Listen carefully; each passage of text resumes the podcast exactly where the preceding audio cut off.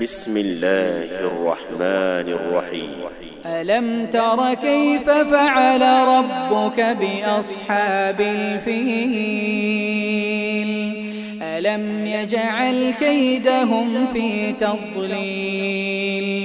وأرسل عليهم طيرا أبابيل ترميهم بحجارة سجيل